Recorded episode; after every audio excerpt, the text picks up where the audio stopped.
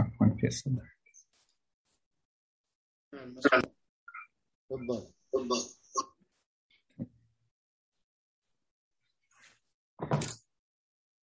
بسم الله الرحمن الرحيم.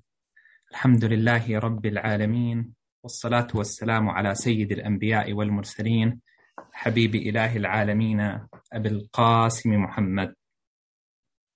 السلام عليكم أيها الأخوة المتابعون لنا.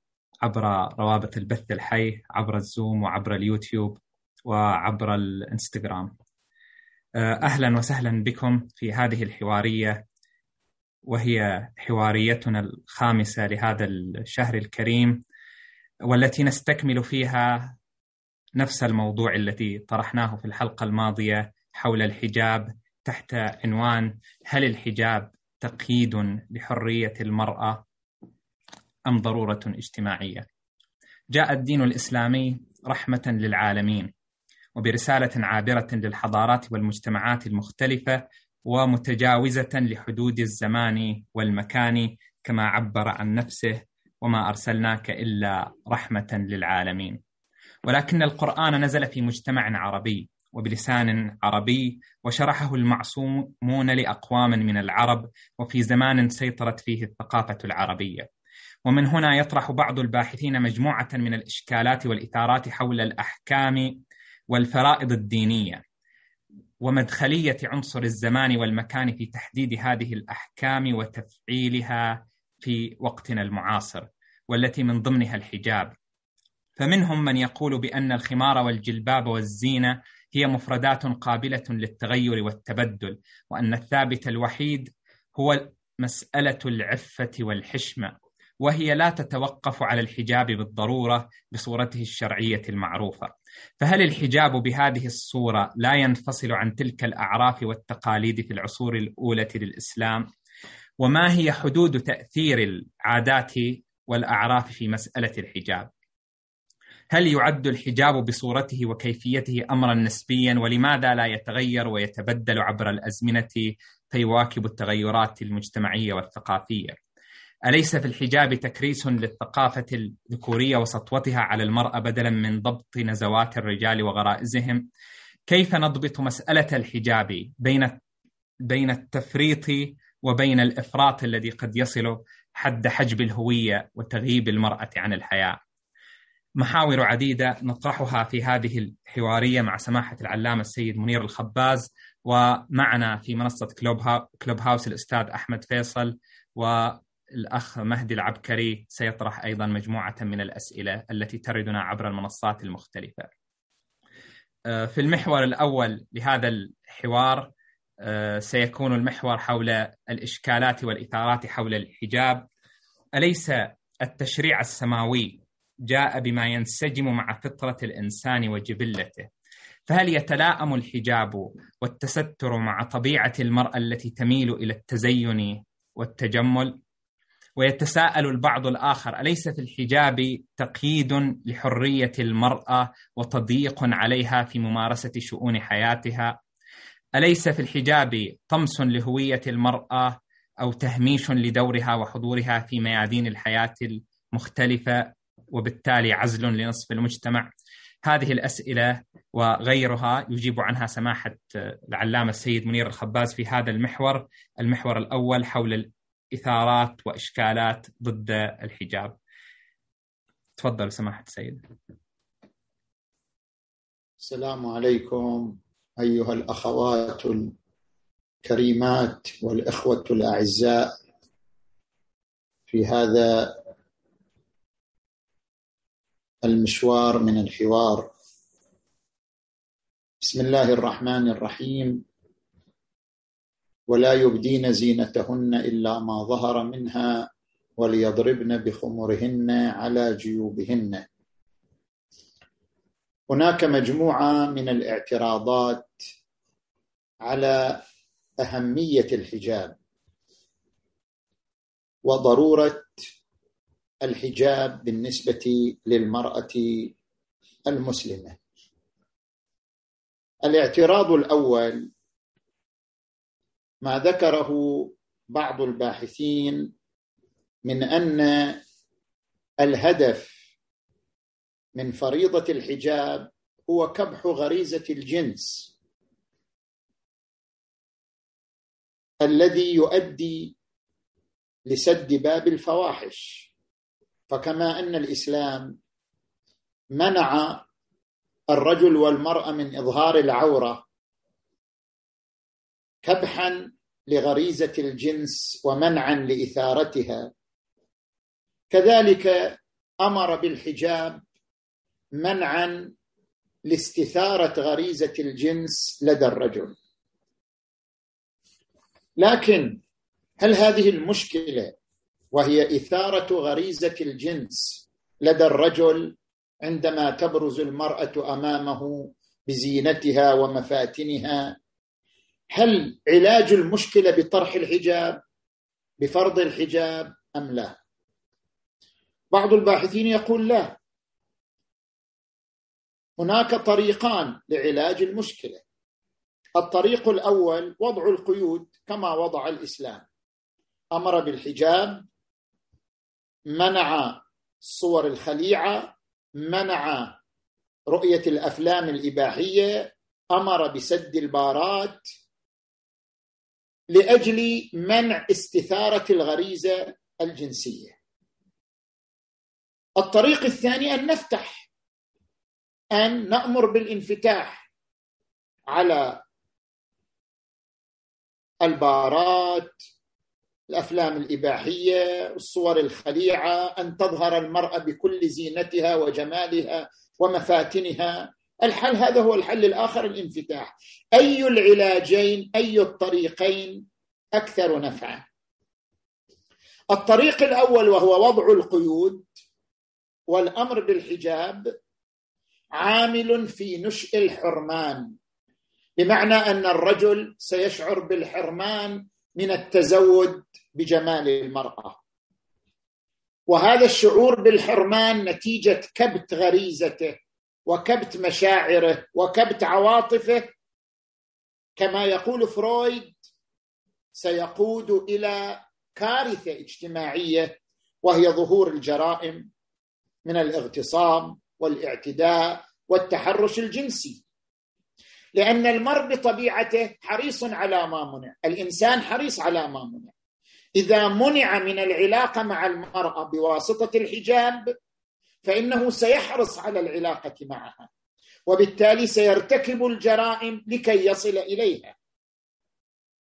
بينما الحل الثاني وهو الانفتاح سيحول هذه الألوان بمرور الوقت إلى أجواء معتادة كما في المجتمعات الغربية. أصبح السفور والتبرج والصور الخليعة والأفلام الإباحية والبارات أجواء معتادة. وبما أنها أجواء معتادة الابتذال مساوق للرخص. هذا قانون في الاقتصاد.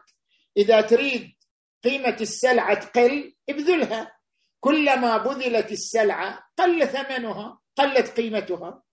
إذا بذلت المرأة وظهرت مفاتنها وبرز جمالها واعتاد الناس على رؤية الجمال يوميا سيكون ذلك امرا مبذولا ومعتادا وبالتالي لن تستثار غريزة الجنس. سوف تخمد سوف تهدأ. لن يرتكب الإنسان جرائم الاعتداء والتحرش الجنسي والاغتصاب لأن كل شيء واضح أمامه. اذا بالنتيجة العلاج المفيد لكبح استثارة غريزة الجنس لدى الرجل ليس هو القيود بوضع الحجاب بل هو بالانفتاح وترك الحجاب. هذا هو الاعتراض الأول. الجواب عن هذا الاعتراض اولا ليس الهدف الوحيد من فريضة الحجاب هو كبح غريزة الجنس عند الرجل. نحن ذكرنا عدة أهداف في الحوار الماضي بعضهم ركز على هذا الهدف. استثارة غريزة الجنس لدى الرجل وكأنه هو الهدف الوحيد من مسألة فريضة الحجاب. وإلا لو أمكن تخفيف غريزة الجنس كل رجل لازم يضرب إبرة كل يوم قبل ما يطلع للعمل يضرب إبرة وهذه الإبرة تسهم في تهدئة غريزة الجنس. معنى الحجاب نتركه لأن الرجل بعد هو قاعد يضرب إبرة يوميا. لتهدئة غريزة الجنس. أو أننا مثلا نقوم بتقنين العلاقات الجنسية. كما في بعض المجتمعات هناك فنادق مخصصة لممارسة الجنس ضمن رسوم معينة وضمن شروط معينة. وبالتالي بإمكان كل إنسان أن يذهب إلى هذه الفنادق ويمارس غريزة الجنس. ولا نحتاج إلى وضع قيود كالحجاب. لإمكان إشباع غريزة الجنس بطرق رسمية مقننة. ليست هدف الوحيد من فرض الحجاب هو كبح غريزة الجنس. حتى إذا كبحت فلا مانع من السفور وترك الحجاب. لماذا؟ الهدف من فريضة الحجاب هو العزة التي مدحها القرآن الكريم. ولله العزة ولرسوله وللمؤمنين. العزة صفة لله. ما هي العزة؟ العزة هي عبارة عن اقتران الجمال بالجلال. الله له صفات جمال الرحمة الكرم العفو. وله صفات جلال القوة القدرة الرقابة العلم الهيمنة. اقتران صفات الجمال بصفات الجلال يعبر عنه عزة ولله العزة. المؤمن مظهر لله كما أن من صفات الله العزة من صفات المؤمن أيضا العزة. ولله العزة ولرسوله وللمؤمنين. المرأة مؤمنة مظهر لله تعالى في عزتها. وعزة المرأة عبارة عن اقتران الجمال بالجلال. المرأة في حد ذاتها تحمل الجمال تحمل الأنوثة تحمل العذوبة تحمل الأناقة. ولكن حتى تكتسب صفة العزة وتكون مظهرا لله عز وجل تقرن جمالها بجلالها. الجمال بالجلال. واقتران الجمال بالجلال بأن تمتلك صفة العفة. والعفة هي عبارة عن عدم الابتذال. هذه المرأة ليست مبتذلة. هذه المرأة أبية عفيفة عزيزة. إذا اقترن الجمال بالجلال امتلكت المرأة العزة. من هنا جاء دور الحجاب. الحجاب ما هو إلا رمز. رمز لعفة المرأة. العفة ملكة باطنية ملكة قلبية. ترمز لها المرأة بلبس الحجاب. الحجاب رمز للجلال المقارن بالجمال المحقق لعزة المرأة. اذا الحجاب الهدف منه فلسفة الحجاب تكمن في رمزيته لعزة المرأة وجلالها وعفتها. لاحظوا ليش الرجل يلبس إحرام إذا ذهب للحج؟ يلبس ثوبي الإحرام بدون مخيط. لماذا؟ الإحرام رمز مجرد رمز. رمز للتجرد من الذنوب والتخلص من شوائب الدنيا ولذلك يكفن الرجل بإحرامه.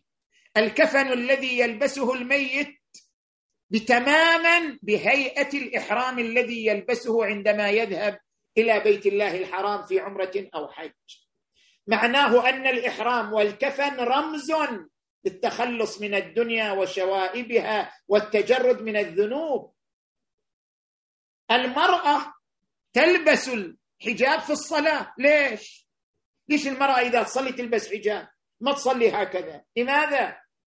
لأن هذا الحجاب في وقت الصلاة رمز للوقار. رمز لأدب العبودية مع الله عز وجل. بالنتيجة الحجاب كإحرام الصلاة.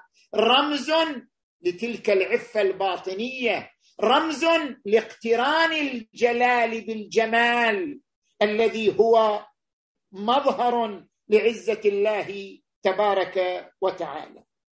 فاذا ليست فلسفة الحجاب منحصرة. في كبح غريزة الرجل حتى إحنا نركز على مسألة غريزة الرجل وكأننا إذا تخلصنا من غريزة الرجل صار الحجاب مباحا. زين. ثانيا الحاجات النفسية كما يقول الفيلسوف راسل الحاجات النفسية على قسمين نزعة مؤقتة ونزعة متوهجة. النزعة المؤقتة هي التي يمكن إشباعها. نزعة الإنسان نحو الطعام. تشبع بالطعام. نزعة الإنسان نحو مثلا النوم تشبع بالنوم. أما هناك نزعة متوهجة مثل الشرة. الشرة صفة متوهجة عند الإنسان. منهومان لا يشبعان طالب علم وطالب مال. الإنسان عنده شره نحو المال. كل ما يحصل على أموال ما يشبع. يزداد شرهه نحو المال. صفة الشرة نزعه متوهجة. لذلك نجي إلى غريزة الجنس. غريزة الجنس لها جانبان مادي وروحي. من حيث الجانب المادي نعم. إذا الإنسان مارس الجنس وأفرغ المادة المنوية يحصل على خمود في بدنه واسترخاء في بدنه. ولكن الجنس من الجانب الروحي لا يهدأ. غريزة الجنس لا تهدأ. كلما تجددت الصور والمفاتن رأى الإنسان أنواع من الإغراءات والإثارات أمامه ستظل غريزة الجنس متوهجة. ستظل غريزة الجنس مستعرة. لا يمكن قياس غريزة الجنس بغريزة الطعام والشراب أو غريزة النزوع إلى النوم. حتى يقال يكفي في كبح غريزة الرجل أن تظهر المرأة بفاتنها ويصبح ذلك أمرا معتادا. هذا بالنسبة إلى الاعتراض الأول. ما أدري إذا ما في مجال أخلي الاعتراضات البقية على شكل أسئلة ونجيب عنها إذا ما في مجال إلى آه، الجواب عن الاعتراضات الأخرى. آه، سيدنا. اختصرها لا حول ولا قوة إلا آه، براح ممكن ناخذ إذا في أسئلة من المتابعين سؤال مثلا نرجع إذا ما في أسئلة نرجع إلى بقية الاعتراضات تفضل تفضل إيه فالاعزاء في منصة زوم إذا كان لديهم أسئلة لها علاقة بالإعتراضات والإشكالات حول الحجاب أو على ما طرح سماحة السيد فأرجو منهم رفع خاصية الكف. واذا عندنا أسئلة في كلوب هاوس أو الأخ مهدي إذا في أي أسئلة.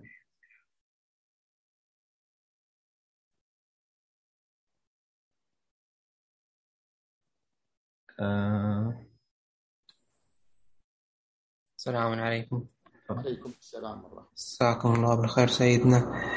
آه وردنا سؤال عبر اليوتيوب يقول السائل لا ملازمة بين العفة والحجاب طبعا هذا تعليق على كلامكم سيدنا الحين آه يقول كان ك... لو كان أكو ملازمة يعني بين العفة والحجاب لكان الحجاب مفروضا على الأمة على الأمة أيضا مع أن الفقهاء يجمعون أن الحجاب غير واجب على الإماء فهل نقول أن الإسلام فرض العفة على الحرائر دون الإماء يعني هذا إشكال.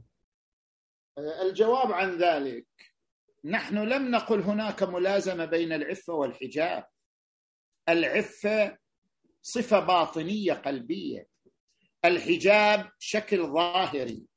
الحجاب رمز للعفة وليس لازما لها. قد تكون المرأة محجبة وليست عفيفة. قد تكون عفيفة وليست محجبة. الإسلام طلب منها أن تبرز عفتها بالحجاب مو أن هناك ملازمة مثل ما قلنا في الصلاة المرأة ليش تلبس الإحرام في الصلاة؟ هل هناك ملازمة؟ لا إنما الإسلام أراد منها أن تبرز أدب العبودية أمام الله من خلال الحجاب حال الصلاة الإسلام أراد من الإنسان إذا ذهب إلى بيت الله أن يبرز شنو؟ تخلصه من الدنيا وشو من خلال ثوبي الإحرام. هذا رمز. فلسفة الحجاب تكمن في الرمزية وليست هناك ملازمة. هذا اولا. ثانيا مسألة الأمة. ذكرت سابقا في الحلقة السابقة قلت هذا فيه خلاف. قلت راجعوا كتاب الشيخ المطهر يناقش في ذلك. يناقش أن الأمة يسقط عنها الحجاب. لا يسلم أن الأمة يسقط عنها الحجاب. هذا مورد خلاف فقهي. هناك من يرى أنه لا فرق بين الأمة وبين الحرة في مسألة ضرورة وجود شكل رمزي للعفة بالنسبة لكليهما. قد تختلف بعض التفاصيل البسيطة وإلا يلزم الحجاب للأمة كما يلزم للحرة أيضا. نعم. أحسنتم سماحة السيد في سؤال مهدي زيادة ولا؟ زيادة ولا إيه بلي في سؤال ثاني. آه، السائل يقول لماذا يعني عفة المرأة نحصرها في قطعة قماش بينما الرجل لا نربط له عفته بقطعة قماش؟ يعني ليس هذا تركيزا على آه، على القشور. يعني يقول إذا المرأة وصلت إلى العفة وصلت إلى الغاية ليش إحنا بعد نركز؟ يلا ظهر عفتش في قطعة قماش. لماذا التركيز على هذه القشور؟ عفة المرأة أعظم من عفة الرجل. المرأة المرأة هي هي اللوحة الجميلة. المرأة هي اللوحة التي تعد مرآة لجمال الكون مرآة لجمال الطبيعة مرآة لجمال الخالق عز وجل. جمال المرأة يعكس جمال الكون وجمال الخالق وجمال مبدأ الكون. نحن عندما نقول بأن الحجاب مفروض من أجل ربط الجمال بالجلال وربط الجمال بالجلال ربط قلبي وليس ربط شكلي. إنما نريد من المرأة أن تبرز جلالها بإحاطة جمالها من خلال هذا الحجاب. رمز.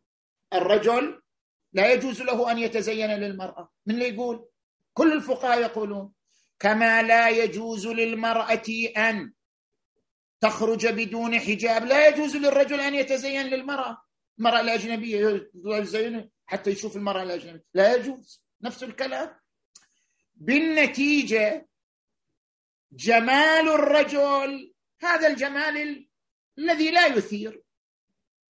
عفة الرجل عفة باطنيه رمزها إذا يريد يرمز إلى عفته يرمز إليها بعدم التزين للمرأة. المرأة ترمز إلى عفتها بالالتزام بالحجاب. هذا الذي نقول. أحسنت سماحة السيد في عندنا سؤال من الدكتور جواد أمين الخابوري من سلطنة عمان. فليتفضل.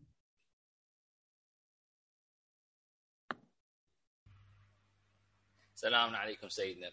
سيدنا ملاحظة يعني ما دام أنتم ذكرتوا هذه السلام عليكم سيدنا. ما دام أنتم ذكرتوا هذه قضية تزين الرجل زين نحن شوية نزيد الشيلة هني. يعني زي سيدنا الحين إذا عندنا واحد مثل النبي يوسف فرضا عندنا واحد مثل النبي ها عندنا إياد إنه ما شاء الله وسيم مرتب هذا نفرض عليه الحجاب الحين يعني يطلع يطلع. يطلع بالح... لازم يتحجب. إذا هو إذا هو وسيم ويثير المرأة مثلا وش المطلوب على الرجل في هذه الطريقة؟ المفروض اياد ما يطلع الشاشه إيه، نعم السؤال إيه، تفضل كملوا اي سيدنا فهو هذا الإشكال، الاشكاليه إنه المرأة تقول تقول تقول كما أنتم تفرضون على الرجل، الرجل أيضا به يظهر مثلا الآن نحن مثلا نلاحظ في مجتمعاتنا هذا الآن اليوم موجود. أنه الرجل يظهر بيذهب للدوام للمكان المكتب للسوق في آخر شياكة وفي آخر جمال ريحة البخور تصل إلى من من بداية المعرض إلى آخر المعرض مثلا. هذه الأمور كيف نتعامل معها؟ الآن هذه كلها ما اذا إذا نحن نقول أن الرجل مطلوب عنده نوع من التستر من نوع من الحجاب. شنو هذه المواصفات المطلوبة للرجل؟ هذه نقطة. ونقطة بس حتى أنا ما أرجع أسوي مداخلة أخرى. كانت حول مسألة سيدنا ذكرتموها أثناء أثناء الكلام.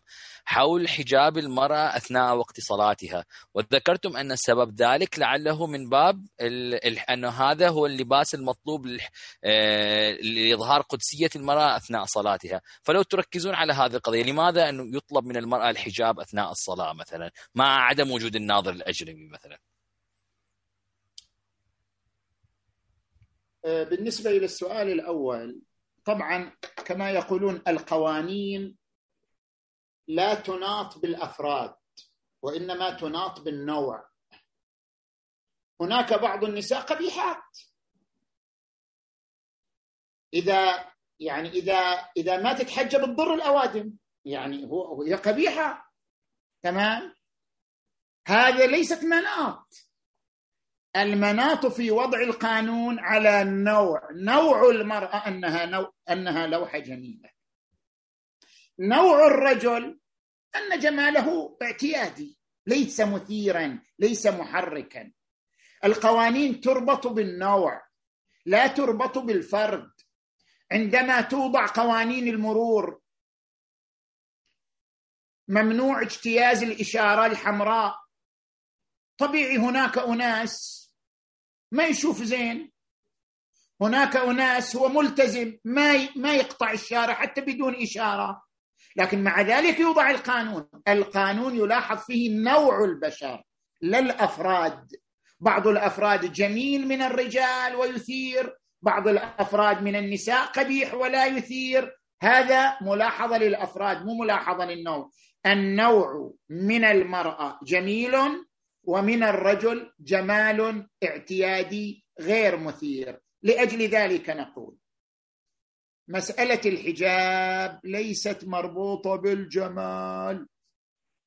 مسألة الحجاب مربوطة بالعفاف. العفاف يملأ قلب المرأة والمرأة تبرز عفافها برمز رمز لعفتها. مو مربوط بالجمال حتى لو لم تكن جميلة. بالنتيجه هي عفيفة. العفاف طلب منها الإسلام أن تبرزه برمز معين وهو الحجاب. نفس الكلام في حجاب الصلاة. حتى لو ما موجود أي ناظر المرأة تصلي بما يستر شعرها وبدنها. لماذا؟ رمز لأدب العبودية والوقار أمام الله تبارك وتعالى. نعم. أحسنتم سماحة السيد. إذا في أي سؤال عند الأخوة الأخ مهدي والأستاذ أحمد فيصل. أو ننتقل إلى نأخذ اعتراض. في يعني سؤال. الاسئله واجد. اياد لو نسترسل شوي بعدين نترك الأسئلة جنب. ممكن ممكن. سماحة السيد نأخذ آه، اعتراض أخير يعني باختصار اذا خمس دقائق مثلا ثم ننتقل للمحور الثاني. نعم. من الاعتراضات على الحجاب أنه يصطدم مع فطرة المرأة. فطرة المرأة جبلت على أن تبرز زينتها وأن تتدلل وتتغنج. فالحجاب يصطدم مع فطرة المرأة في نزعتها لإبراز جمالها. الجواب جميع القوانين الوضعية والسماوية جاءت لتهذيب الفطرة. الفطرة لا تترك على مصراعيها وإلا يلزم الضرر بالإنسان. لاحظوا من فطرة الرجل الغريزة الجنسية ولكن يقال له إشباع الغريزة الجنسية ضمن قوانين محددة. هذا لا يتنافى مع فطرة الرجل عندما تقنن له الطريقة لإشباع غريزته. ولذلك يقول القران ونفس وما سواها فألهمها فجورها وتقواها. زين. تجي مثلا من فطرة الإنسان أنه يحب اللحم ويحب أن يشرب الشرابات اللذيذة. الإسلام يقول له نعم فطرتك كما تريد لكن تحتاج إلى تهذيب ولا تأكلوا مما لم يذكر اسم الله. حرم الخمر والميسر. هذا تهذيب للفطرة وليس إلغاء للفطرة. كذلك فطرة المرأة أن تبرز جمالها ولكن لتهذيب فطرتها أمرت بضم الجلال للجمال والجلال هو عبارة عن العفة وأمرت بإبراز عفتها للملأ العام عن طريق هذا الرمز الجميل ألا وهو الحجاب الذي أمر به تعالى. نجي إلى اعتراض ثالث أن الحجاب يصطدم مع حرية المرأة. ليش ما تخلوا المرأة حرة؟ هناك آه، مثلا فتاة كتبت لي بأنه المرأة غير المتحجبة لا تضر احدا. ليش تجبروها؟ هي ما قاعدة تضر أحد. هي خلعت الحجاب بس. لم تضر احدا لم تظلم احدا. لماذا يفرض عليها الحجاب؟ الحجاب قرار شخصي بين المرأة وبين نفسها. لماذا يفرض عليها الحجاب؟ الجواب هل الحرية قيمة مطلقة؟ لا. الحرية قيمة في إطار الكرامة. متى تكون الحرية قيمة؟ إذا كانت مثالا للكرامة.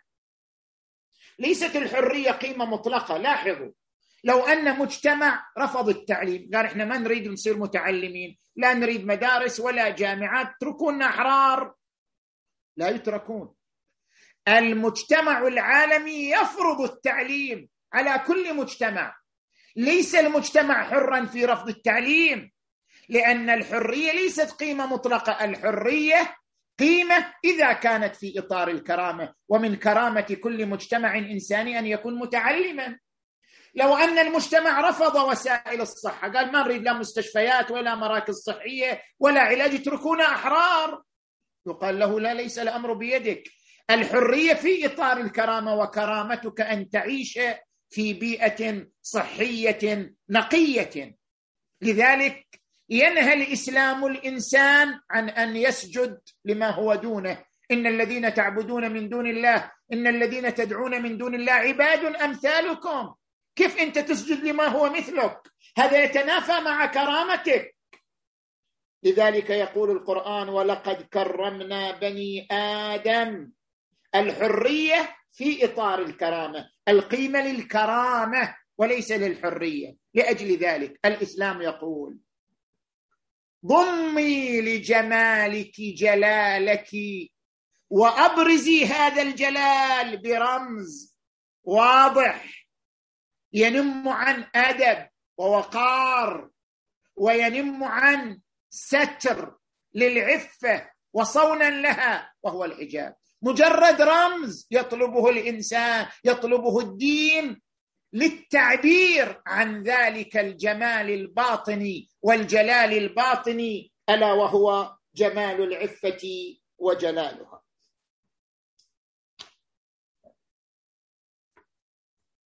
نجي إلى اعتراض رابع وأخير.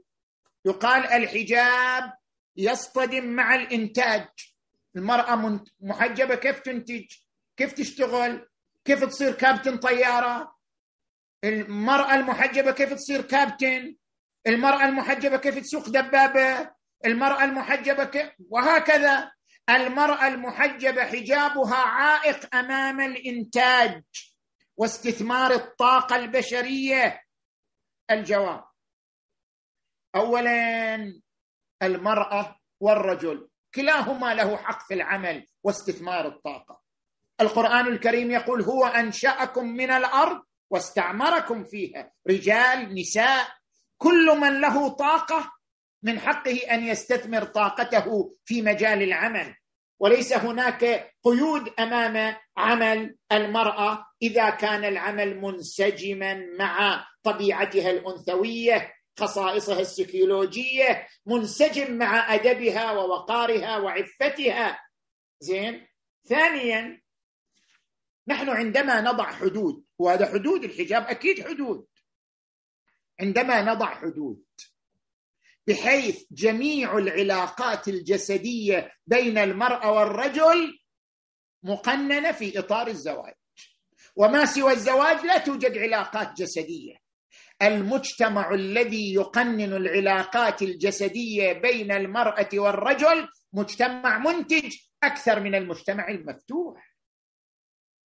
الآن في الصين ينقلون أن هناك معامل تختص بالرجال أو هناك معامل ومصانع فيها قيود تمنع إثارة العلاقات الجسدية بين المرأة والرجل.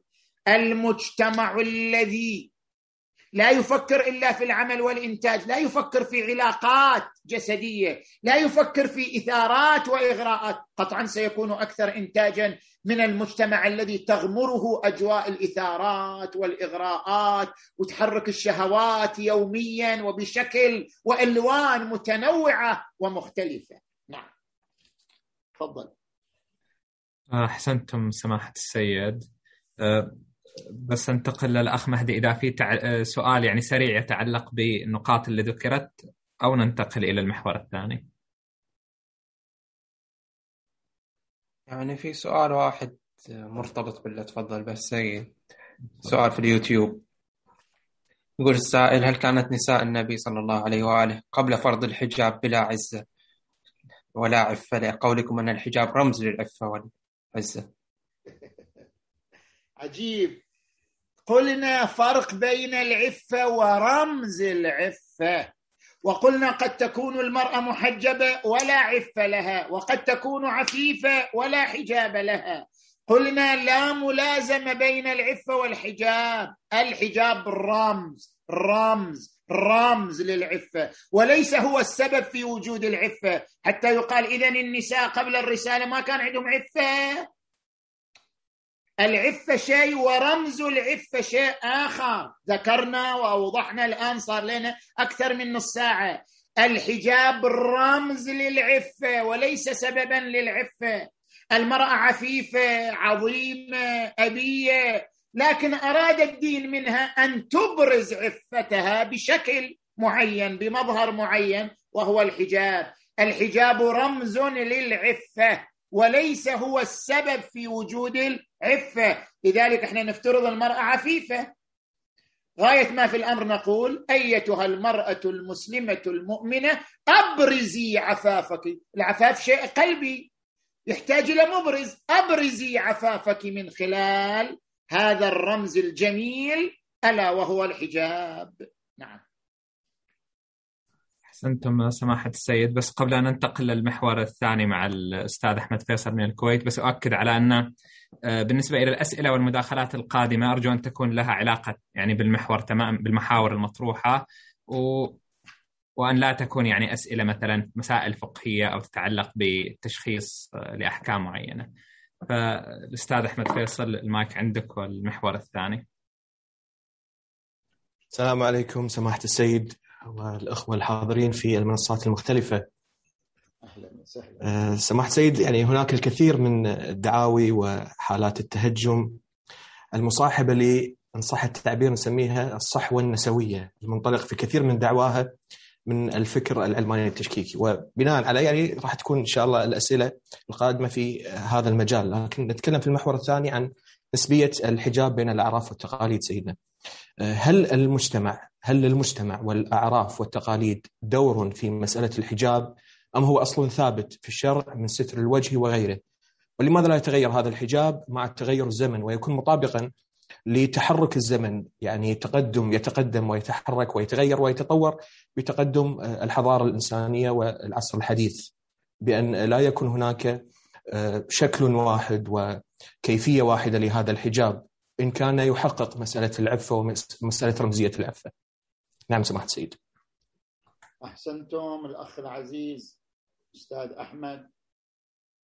إيه، بس أنا ملاحظ عليكم أنت و أستاذ إياد ما تحيوا الأخوات اللي هم أكثر الآن متابعة للبرنامج. تحيوا بس الإخوة. السلام عليكم أيتها الاخوه أيها الإخوة وأيتها الأخوات المسلمات المؤمنات. لا سيدنا كذي كذي كذي تحرضهم علينا سيدنا. زين. نجي إلى هل الحجاب مسألة نسبية أم لا؟ هنا نحن نذكر ثلاثة أمور. الأمر الأول هناك شيء حقيقي متفق عليه ليس نسبيا وهو لزوم ستر البدن والشعر ما سوى الوجه والكفين. هذا دل عليه القرآن الكريم. قال وليضربن بخمرهن على جيوبهن عرفنا أن الخمار يشمل الرأس والصدر. وليضربن بخمرهن على جيوبهن وقال القرآن الكريم يا أيها النبي قل لأزواجك وبناتك ونساء المؤمنين يدنين عليهن من جلابيبهن. الجلباب هو الكساء الذي يستر البدن إلى القدمين. هذا متفق عليه ليس فيه خلاف أمر قرآني. زين. نأتي إلى البحث في أمرين، الامر الأول ستر الوجه. بعض الفقهاء كالسيد الخوئي قال الأحوط وجوبا ستر الوجه. أغلب الفقهاء يقولون لا يجب ستر الوجه والكفين إلا إذا كان المجتمع محافظا. كما لو عاشت المرأة في مجتمع بنيته وسيرته على ستر الوجه والكفين. هنا يجب عليها ستر الوجه والكفين احتراما لكرامتها ومكانتها الاجتماعية في هذا المجتمع المحافظ. زين. الأمر الثاني لون الحجاب. الحجاب يجب أن يكون ساتر غير مشخص للبدن. هذا متفق عليه. الحجاب يجب أن يكون هادئ يعني ليس مزين حتى لا يثير النظر لأن القرآن الكريم يقول ولا يضربن بأرجلهن ليعلم ما يخفين من زينتهن. يعني إظهار الزينة حتى في شكل الحجاب تخلي عليه زينة معينة هذا ممنوع بنص القرآن الكريم. إنما لون الحجاب أسود أخضر بني هذا تختلف باختلاف المجتمعات تختلف باختلاف الأعراف. تلبس عباءة أو تلبس آه شو يسموه هذا الذي؟ لا لا مو تلبسوا النساء السوريات وال بالطو سيدنا. بالطو. تلبس بالطو تلبس عباءة. هذا أمر تختلف فيه اختلاف المجتمعات. شكل الحجاب ولونه مما يختلف باختلاف المجتمعات. مما يتغير بتغير الزمكان كما يقال. اللازم ستر الشعر والبدن ما سوى الوجه والكفين عند الجميع وعند بعضهم حتى ستر الوجه والكفين. أما اللون والشكل يختلف باختلاف المجتمعات لذلك المجتمع الذي تعارف على اللون الأسود يلبس فيه الأسود والمجتمع الآخر يجوز اللبس فيه كما هو. سيرة هذا المجتمع. نجي إلى الأمر الثالث. هناك فرق بين التطور الشكلي والتطور الجوهري. تطور الشكل شكل الحجاب قد يتغير من مجتمع لآخر من زمن إلى آخر ممكن.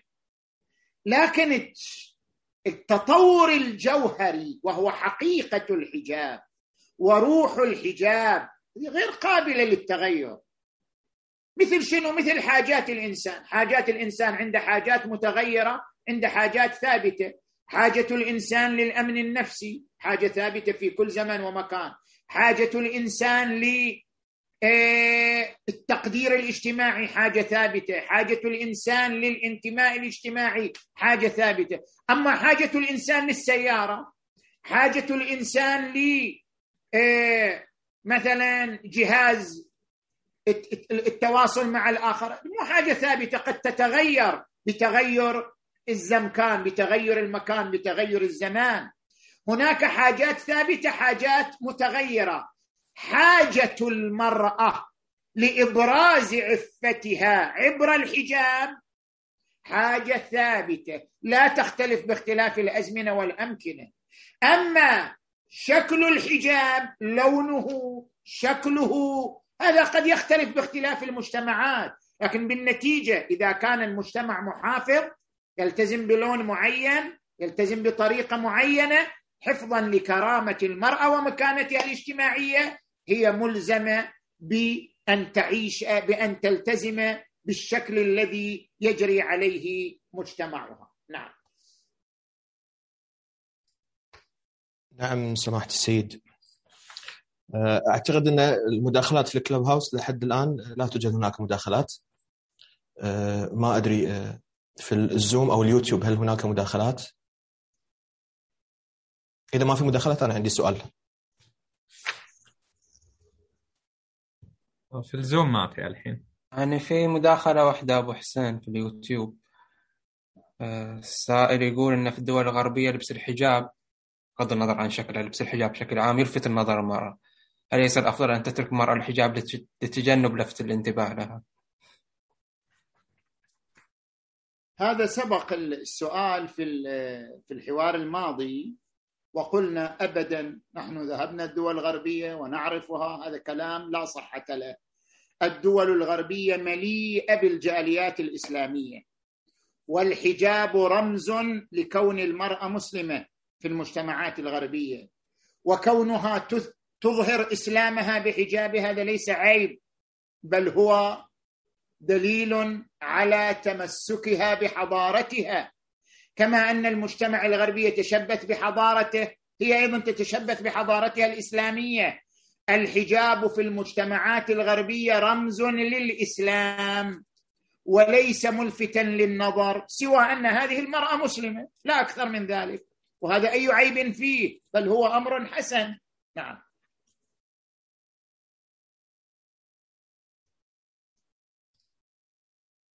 نعم سيدنا. آه، في مداخلة في الكلاب هاوس من الأخ علي الطريحي. تفضل أخ علي.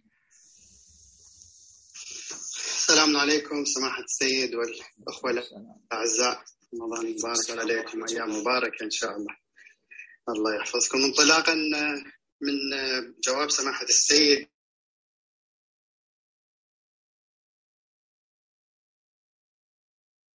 أخواتنا وبناتنا المحجبات كثير من العوائق في المجتمع في مجالات كثيرة مثلا في العمل وكمثال منها فرض مثلا لباس خاص للعمل.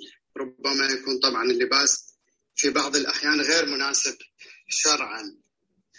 آه، فما طبعا ما هي الحدود يعني المسموحة في هذا المجال؟ وهناك سؤال آخر يردد يعني بين الحين والآخر حول لباس الرجل. وخاصة آه، كذلك يعني في الغرب آه، كما تعلمون هناك طرق عديدة. ممكن آه، للباس الرجل مثلا ما تكون مناسبة لمجتمعاتنا الإسلامية. آه، ولكن هي هنا في هذه البلاد شيء طبيعي في في المجتمع.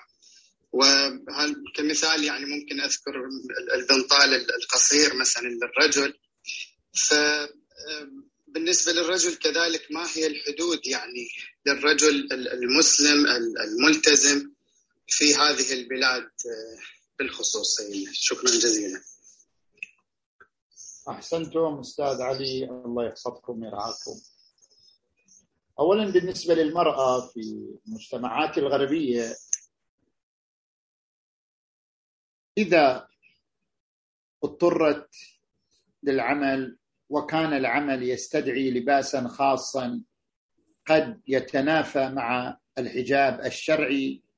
فيجوز لها أن تلبس بما بمقدار ما يرفع الاضطرار.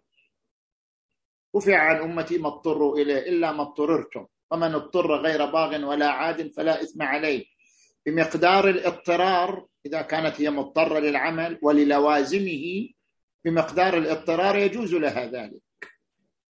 وإن كان هي المسألة يعني تتبع حسب تشخيص المرأة هي هي موكلة لتشخيصها وعقلها هي التي تشخص هذا مورد تضطر مورد لا تضطر. مثل الآن المصافحة المصافحة بين الرجل والمرأة متعارف في الغرب المصافحة. في بعض المجتمعات أنا لاحظت في ألمانيا لاحظت في ألمانيا عندما تمتنع عن المصافحة كرجل آه، يقيموك يعني يحترموك. هذا دينك يعني دينك يمنعك من المصافحة ما في مشكلة وما يعتبر أمر محرج ولا شيء. بينما في بعض المجتمعات ممكن لا يعني مجتمعات غربية ممكن لا عدم المصافحة يثير سوء سمعة و... ويجعل الإنسان في موضع حرج فيجوز له المصافحة رفعا للحرج. بالنتيجة هو حسب تقدير المرأة للمجتمع الذي تعيش فيه. بالنسبة للباس الرجل يجوز له أن يلبس ما يتناسب مع المجتمع الذي يعيش فيه. طبيعي في في في المجتمعات الشرقية ما بيلبس الرجل شورت ويطلع الشارع بس في المجتمعات الغربية يلبس شورت ما في مانع. بما أن المجتمع الذي يعيش فيه عنده هذا الأمر عادي يطلع بالشورت. خليه يطلع بالشورت. المهم أن لا يرتكب المحرم وهو إبراز العورة. نعم. نعم سماحة السيد. نعم. أه سماحة السيد إذا تسمح لي في سؤال مرتبط بما طرح الأخ علي الطريحي آه، فيما يخص الأخوات آه، الذين يعيشون في الغرب يعني المسلمون المرتبطون بالغرب بحثا عن لقمة العيش مثلا أو العيش الكريم وما إلى ذلك يعني في ظل أن بعض المجتمعات الغربية تفرض قرارات مناهضة للحجاب أو أن ينصهر الفرد المسلم في طبيعة المجتمع الغربي. وبالتالي ما يخاف منه أن يتشكل إسلاما منصهر وغير مرتبط بالجذور التاريخية والعقدية للدين، ونحن نتكلم هنا عن الحجاب سماحة السيد.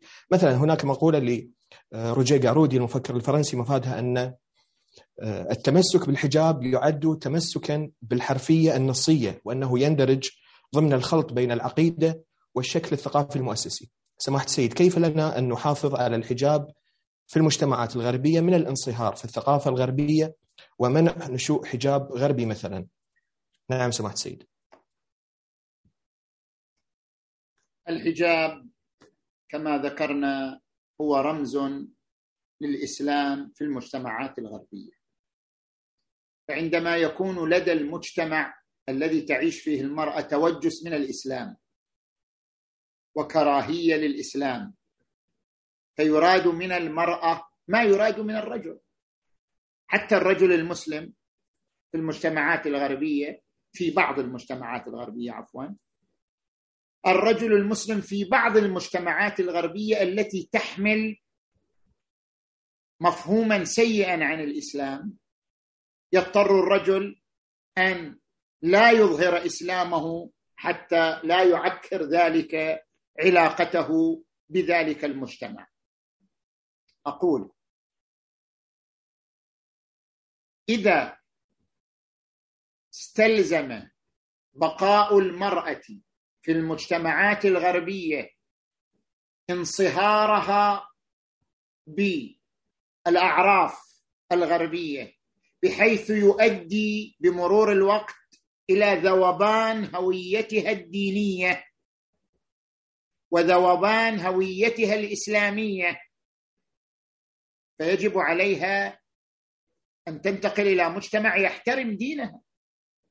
كما أنها تحترم القيم الغربية مقتضى الموضوعية والثقافة الإنسانية والثقافة الديمقراطية احترام دينها وقيمها. على المرأة أن تعيش في مجتمع يحترمها كما تحترمه. كما أنها تحترم القيم الغربية والأعراف الغربية تلتعش في مجتمع يحترم قيمتها كامرأة مسلمة الراهبة. هل هل هل المجتمع الغربي يأنف منها؟ نحن رأينا في أمريكا وفي أوروبا راهبات. يخرجن من الكنيسة بلباس المرأة الراهبة بالعكس تمشي بين الناس محترمة معززة مع أن لها لباس خاص. كما أن المجتمع الغربي يحترم لباس الراهبة لأن لباسها رمز للكنيسة رمز للعبادة. كذلك الحجاب هو رمز. لا فرق بين لباس الراهبة ولباس المرأة المسلمة. كما أن لباس الراهبة رمز للكنس الكنس بمعنى التهجد والتعبد رمز للكنيسة.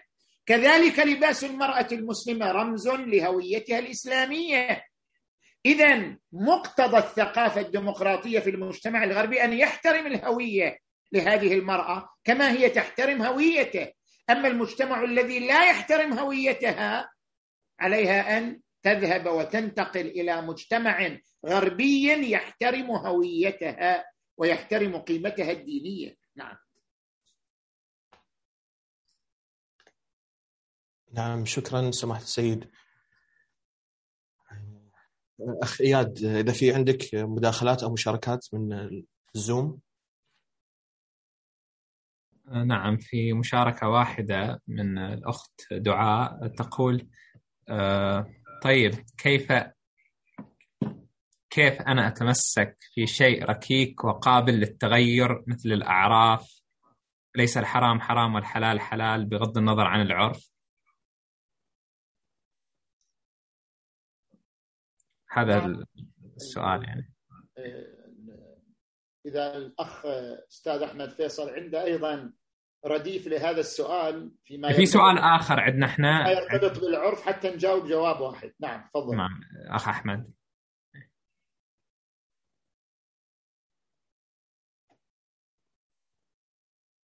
أستاذ أحمد إذا في أستاذ أحمد فيصل. في هالجهه مسألة العرف تفضلوا ما ادري الصوت انقطع من عندكم ما أسمع سمعت السيد أستاذ أحمد إذا في سؤال تسمعني ولا؟ أستاذ أحمد؟ عنده مشكلة ممكن, ممكن هو عنده مشكلة. أه ما عليه إياد بس أنا عندي سؤالين في اليوتيوب على دي. لهم علاقة بالعرف؟ في العرف إيه. تمام تفضل. يعني في نوع تشخيص بس إحنا ما ناخذ يعني التفاصيل اللي ذكروها إنما واحدة تقول مثلا إن هي في العراق تلبس عباء وش اسمه ويأدوها العراقي. وش تسوي في عمرها فهل يعني وش اسمه تلبس بوشية عفوا. فهل تنزع عشان لا يأدوها؟ واحدة تقول إن عباءة الرأس مظهر الجلال والعفة ولكنها في بعض المجتمعات ملفتة للنظر. هل تعتبر لباس شهرة؟ طبعا إحنا ما نبغى نتكلم عن دي اللي هي التفاصيل اللي ذكروها بس بشكل عام. هل إذا كان الحجاب يخالف يعني العرف السائد هل يعتبر لباس شهرة؟ ولا؟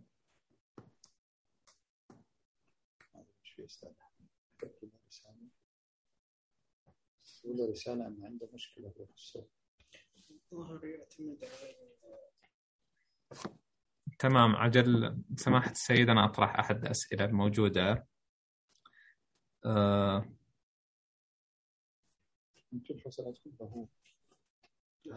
حول في سؤال حول الآية المباركة الآية المباركة وقل للمؤمنات يغضضن من أبصارهن ويحفظن فروجهن ولا يبدين زينتهن إلا ما ظهر منها.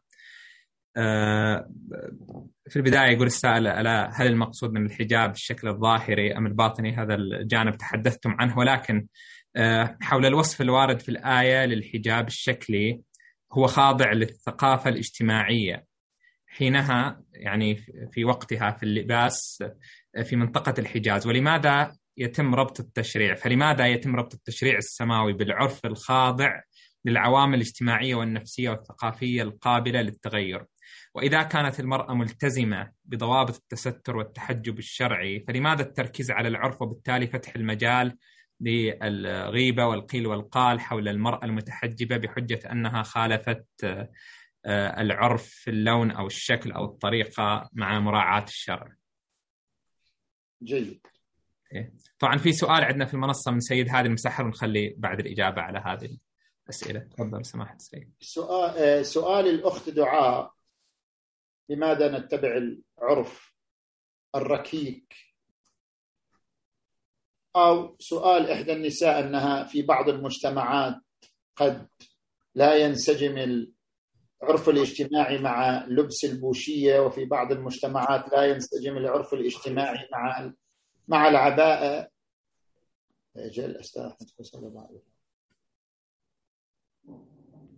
أستاذ أحمد فيصل جيتوا؟ رجعتوا؟ نعم موجود معكم سماحة السيد لكن الكلب هاوس فاصل. الكلب هاوس مو موجود. أيه. سماحتكم مو موجودين في الكلب هاوس فمنقطعين عن الأخوة في الكلب هاوس. إحنا مشكلة الآن نجاوب عن سؤال العرف اللي طرحه الإخوان. وبعدين نتابع وياكم زين؟ نعم خدمتكم أولا العرف المحترم شرعا هو العرف الذي لا يخالف الشرع. ليس كل عرف محترم. ليس كل عرف نأخذ به. الآن مثلا من الأعراف في ليلة الزفاف زفاف الرجل على المرأة يجتمع الكل. ويتم تصوير الزوج مع الزوجة. والنساء جالسات متبرجات مع زينتهن مع أنهن أجنبيات عن الزوج. هذا عرف موجود الآن. هل هذا العرف محترم شرعا؟ قطعا لا. العرف المحترم شرعا العرف الذي على وفق القوانين الشرعية. العرف الذي على طبق القوانين الشرعية عرف محترم. أما العرف المخالف للقوانين الشرعية هذا ليس عرفا محترما. هذا اولا. ثانيا كما يأمر الإسلام الرجل مسألة خاصة بالمرأة هذه. كما يأمر الإسلام الرجل بأن يحافظ على كرامته الرجل في مجتمعاتنا إحنا الشرقية ما يطلع بشورت في الشارع. ما يطلع الرجل مثلا بدون بدون فقط ساتر العورة ويطلع يمشي في الشارع. ما يصير. حفاظا على كرامته ينهاه الإسلام عن ذلك. كذلك بالنسبة للمرأة. محافظة على كرامة الرجل يمنع من أن يظهر بشورت. محافظة على كرامة المرأة يمنع أن تلبس ما يثير النظر العام إليها. هذا من باب الحفاظ على كرامتها لا من باب اتباع العرف الركيك. ليست المسألة أن الميزان هو العرف المسألة هي كرامة المرأة. كرامة المرأة صونا لكرامة المرأة. ولا الإسلام يقول ولا يغتب بعضكم بعضا. الإسلام يقول ولا تلمزوا أنفسكم ولا تنابزوا بالألقاب بئس الاسم الفسوق بعد الإيمان. الإسلام ينهى المجتمع عن غيبة المرأة ينهى المجتمع عن اللمز وراء المرأة ينهى المجتمع عن التعليق على المرأة التي خالفت أعرافه. هذا كله منهي عنه. لكن مع ذلك مع أن الإسلام ينهى المجتمع عن التعليق على المرأة التي خالفت المجتمع ينهى المرأة أيضا أن تعرض كرامتها للنبز والغمز واللمز. هذا حفاظ على كرامة المرأة. هذا منطلق من قوله تعالى ولقد كرمنا بني آدم وحملناهم في البر والبحر ثالثا هناك آيتان. قوله تعالى يا أيها النبي قل لأزواجك وبناتك ونساء المؤمنين يدنين عليهن من جلابيبهن ذلك أدنى أن يعرفن فلا يؤذين يعني شنو؟ يعني القرآن ينهى أن تعرف المرأة نفسها. ذلك أدنى أن يعرفن فيؤذين المرأة التي المرأة التي تعرف الناس بها ويكون هذا التعريف موجبا لإيذائها. الإسلام يمنعها من التعرض للأذى فيقول لا تثيري نظر الآخرين. حتى لو كنت ملتزمة الآن مرة تقول أنا محجبة بس أنا ما ألتزم بالحجاب الذي يلبسه مجتمعي. أنا أختلف في شكل الحجاب عن مجتمعي. الإسلام يقول نعم أنت ملتزمة بالشرع ولكن حفاظا عليك من الأذى. لا تثيري نظر المجتمع حولك. ذلك أدنى أن يعرفن فيؤذين وكذلك قوله تعالى ولا يضربن بأرجلهن ليعلم ما يخفين من زينتهن. قل المراه إذا تمشي بالشارع يقول لا تمشي بضرب الرجل. إن تمشي بضرب الرجل تثير الالتفات.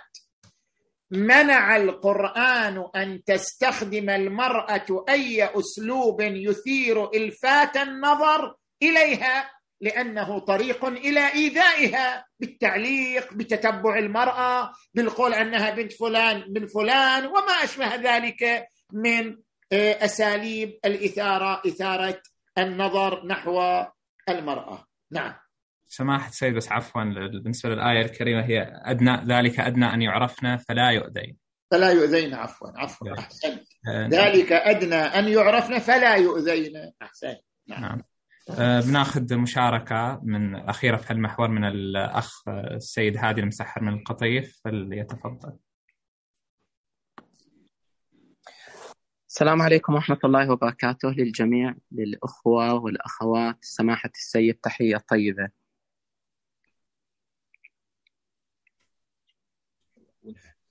صوتي مسموع. أي عليكم السلام. تفضل مسموع. حياكم الله.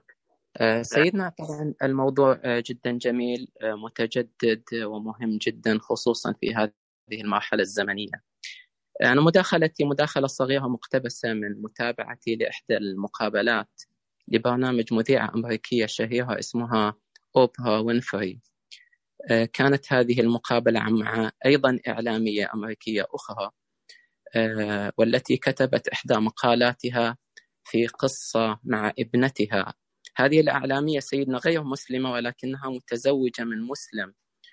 آه، ولدت لهم بنت وعند اقتراب عمرها من التاسعة حصل بينهم نقاش حول حجاب هذه البنت. طبعا بطبيعة الديانة كان الأب يدفع باتجاه حجاب هذه البنت بينما الأم غير المسلمة كانت لا تريد لبنتها الحجاب آه، وبعد يعني فترة آه، غلب رأي الأب وحجب ابنته ثم لاحظت الأم الاختلاف الذي حصل مع ابنتها ونقلت قصتها وبعدين سبب هذا الموضوع إنها آه، تطلب لهذه المقابلة مع الإعلامية الشهيرة اللي اسمها اوبرا. كانت تتكلم سيدنا هذه الإعلامية عن ابنتها كيف لما كانت تاخذها إلى المدرسة وتنزل إلى المدرسة تمشي بكل ثقة أمام كل الناس. بينما كانت زميلاتها من الطالبات تمشي وكل واحدة تهتم بكيفية آه، بروز بعض المفاتن وكيف ينظر لها آه، زملائها من من الشباب إلى غير ذلك. ونقلت هذه التجربة أنا اللي حبيت فقط اقوله من من هذا الكلام المختصر نقلت هذه الإعلامية أن هناك ثلاث طبقات لأي بنت تغطي هذا الجسد. الطبقة الأولى هي الجلد بشكل مختصر الطبقة الثانية اللباس والطبقة الثالثة التي دائما ما يمكن تهمل هي البصيرة. وعبرت عنها يعني باللغة الإنجليزية كلمة فيجنري أنا أقول هذه الكلمة ربما الشباب يترجموها بشكل أفضل مني. ولكن السؤال سماحة السيد كيف لنا أن نبني خصوصا في هذه المرحلة؟ يعني في مرحلة فيها كثير من التغير. نبني جيل من بناتنا خصوصا النشء الجديد اللي الآن طالعين من السنة التاسعة وفوق. يكون عندهن بصيرة. إحنا نحتاج إلى جيل قادم من البنات هن التي يتكلمن لأخواتهن والبنات من من يعني شتى المجتمعات خصوصا المجتمعات المسلمة سواء هنا أو في الغرب. نحتاج لهذه البصيرة، فكيف لنا أن ننتقل لهذه المرحلة؟ وأحسنتم وأعتذر على الإطالة. أحسنت. شكرا سيد هادي على هذه المداخلة. تفضل سماحة السيد. أحسنتم استحسنتم نشر الثقافة هو العنصر الضروري. نشر ثقافة الحجاب بروحه لا بشكله فقط. عندما يتم التركيز على شكل الحجاب فقط دون أن يكون هناك اهتمام وعناية بروح الحجاب وحقيقة الحجاب حينئذ ستعتبر الفتاة أن الحجاب قيد. وستتحاول التخلص منه وستحاول التخلص منه في أي فرصة. لكن عندما يتم نشر ثقافة أن الحجاب قيمة خلقية أن الحجاب يعني ملكة خلقية أن الحجاب يعني جزء من الكيان الخلقي والتربوي للبنت. عندما ينتشر تنتشر ثقافة الاهتمام بالقيمة الخلقية للحجاب لا بشكل الحجاب فقط وتنشر مقاطع صغيرة أفلام صغيرة تشجع الفتاة على أن تعتز بالحجاب. المشكلة هي اهتزاز الثقة. يعني كثير من فتياتنا عندها ما عندها الثقة بإسلامها بدينها بحجابها. هذه الثقة مهزوزة خصوصا إذا عاشت في الغرب. اذا حتى نرجع للفتاة شعورها بالاعتزاز بدينها والاعتزاز بهويتها والاعتزاز بقيمتها الخلقية من خلال رمزية الحجاب. نحتاج إلى أفلام قصيرة نحتاج إلى شرح فلسفة الحجاب نحتاج إلى أن نعقد الوقت الطويل مع فتياتنا وبناتنا لأن نزرع وأن نغرس في أنفسهن أهمية الدين والاعتزاز بالدين ولله العزة ولرسوله وللمؤمنين. تفضل أستاذ أحسنتم سماحة السيد. أتوقع نكتفي بهذا المقدار في المحور الثاني. وننتقل إلى المحور الثالث مع الأخ مهدي العبكري. من القطيف فليتفضل سيدنا عندكم. ما خلص من من إحنا حسب تشخيص أستاذ أحمد يقول إن الأسئلة يعني أجيب عليها ضمنا ف يعني هو قال ننتقلوا إلى أستاذ أحمد ننتقل إلى رحمة الله. تفضل. لا ما زال المحور يحتاج لإشباع. عندكم أسئلة حوله نعم سماحة السيد. آه، اذا اذا إذا يسمح لي اخ إياد ممكن آه، تفضل تفضل. إيه إيه. نعم. في آه، الوصف الوارد في الآية للحجاب سماحة السيد. الحجاب شكلي خاضع للثقافة الاجتماعية. عفوا بس أستاذ أحمد هذا أنت لما غبت شوي طرحنا هذا السؤال فإذا الأسئلة اللي بعدها. نعم. يتفضل له في سؤال عن عارف عبد الحسين. عارف عبد الحسين نعم. يعني إحنا للأمانة ننقل الأسئلة وإن كان سماحة السيد قد أجاب ضمنا لكن ممكن يفصل فيها سماحة السيد. يعني ذكر أحد الباحثين واسمه عارف عبد الحسين سماحة السيد نظرية مفادها أن الحجاب الإسلامي يريد الحفاظ على عورة المرأة وسترها وعلى الحشمة بعنوانها العام وليس ناظرا إلى شعر المرأة ومفاتنها بالضرورة. فإذا تحققت العفة والحشمة فلا داعي للحجاب بصورته الشرعية. فما هو الموقف من هذا الطرح سماحة السيد؟ الأخ الشيخ عارف عبد الحسين من الإخوة الخوجة في بريطانيا وقد اطلعت على مقالته قبل سنين حول آه، قبل سنتين حول مسألة الحجاب. في مناقشة هذه الفكرة نقول أولا ظاهر الآيات أن الحجاب فريضة وليضربن بخمرهن على جيوبهن. كما قال تبارك وتعالى أقم الصلاة لدلوك الشمس. الجميع يقول الصلاة فريضة. كما قال تعالى كتب عليكم الصيام كما كتب على الذين من قبلكم. الجميع يقول الصيام فريضة. اذا قوله تعالى وليضربن بخمرهن على جيوبهن أو يدنين عليهن من جلابيبهن فريضة. هذا أمر فظاهر الأمر القرآني أنه فريضة. هذا اولا. ثانيا كلام الأخ الشيخ عارف عبد الحسين. هذا رجوع إلى مقاصد الشريعة. هناك مجموعة من الباحثين يقولون علينا أن نعمل بمقاصد الشريعة لا بشكلية الشريعة. يعني أن نحول الشريعة إلى مقاصد وأهداف بدل أن تبقى الشريعة مجرد أحكام وتشريعات. أن نذهب إلى مقاصد الشريعة. المقصد من الحجاب الحفاظ على العفاف. فإذا كانت المرأة محتشمة فلا حاجة إلى الحجاب. لأن المقصد من الحجاب هو هذا الاحتشام. فيكفي أن تكون المرأة مؤدبة محتشمة تلبس ملابس محتشمة ما في داعي لأن تستر شعرها و ورأسها. لماذا؟ لأننا نركز على مقاصد الشريعة لا على مظهر على المظهر الشكلي للشريعة. أقول بناء على هذه الرؤية ما يحتاج صلاة أيضا؟ حتى الصلاة ما يحتاج. نروح للمقصد من الصلاة. ما هو المقصد من الصلاة؟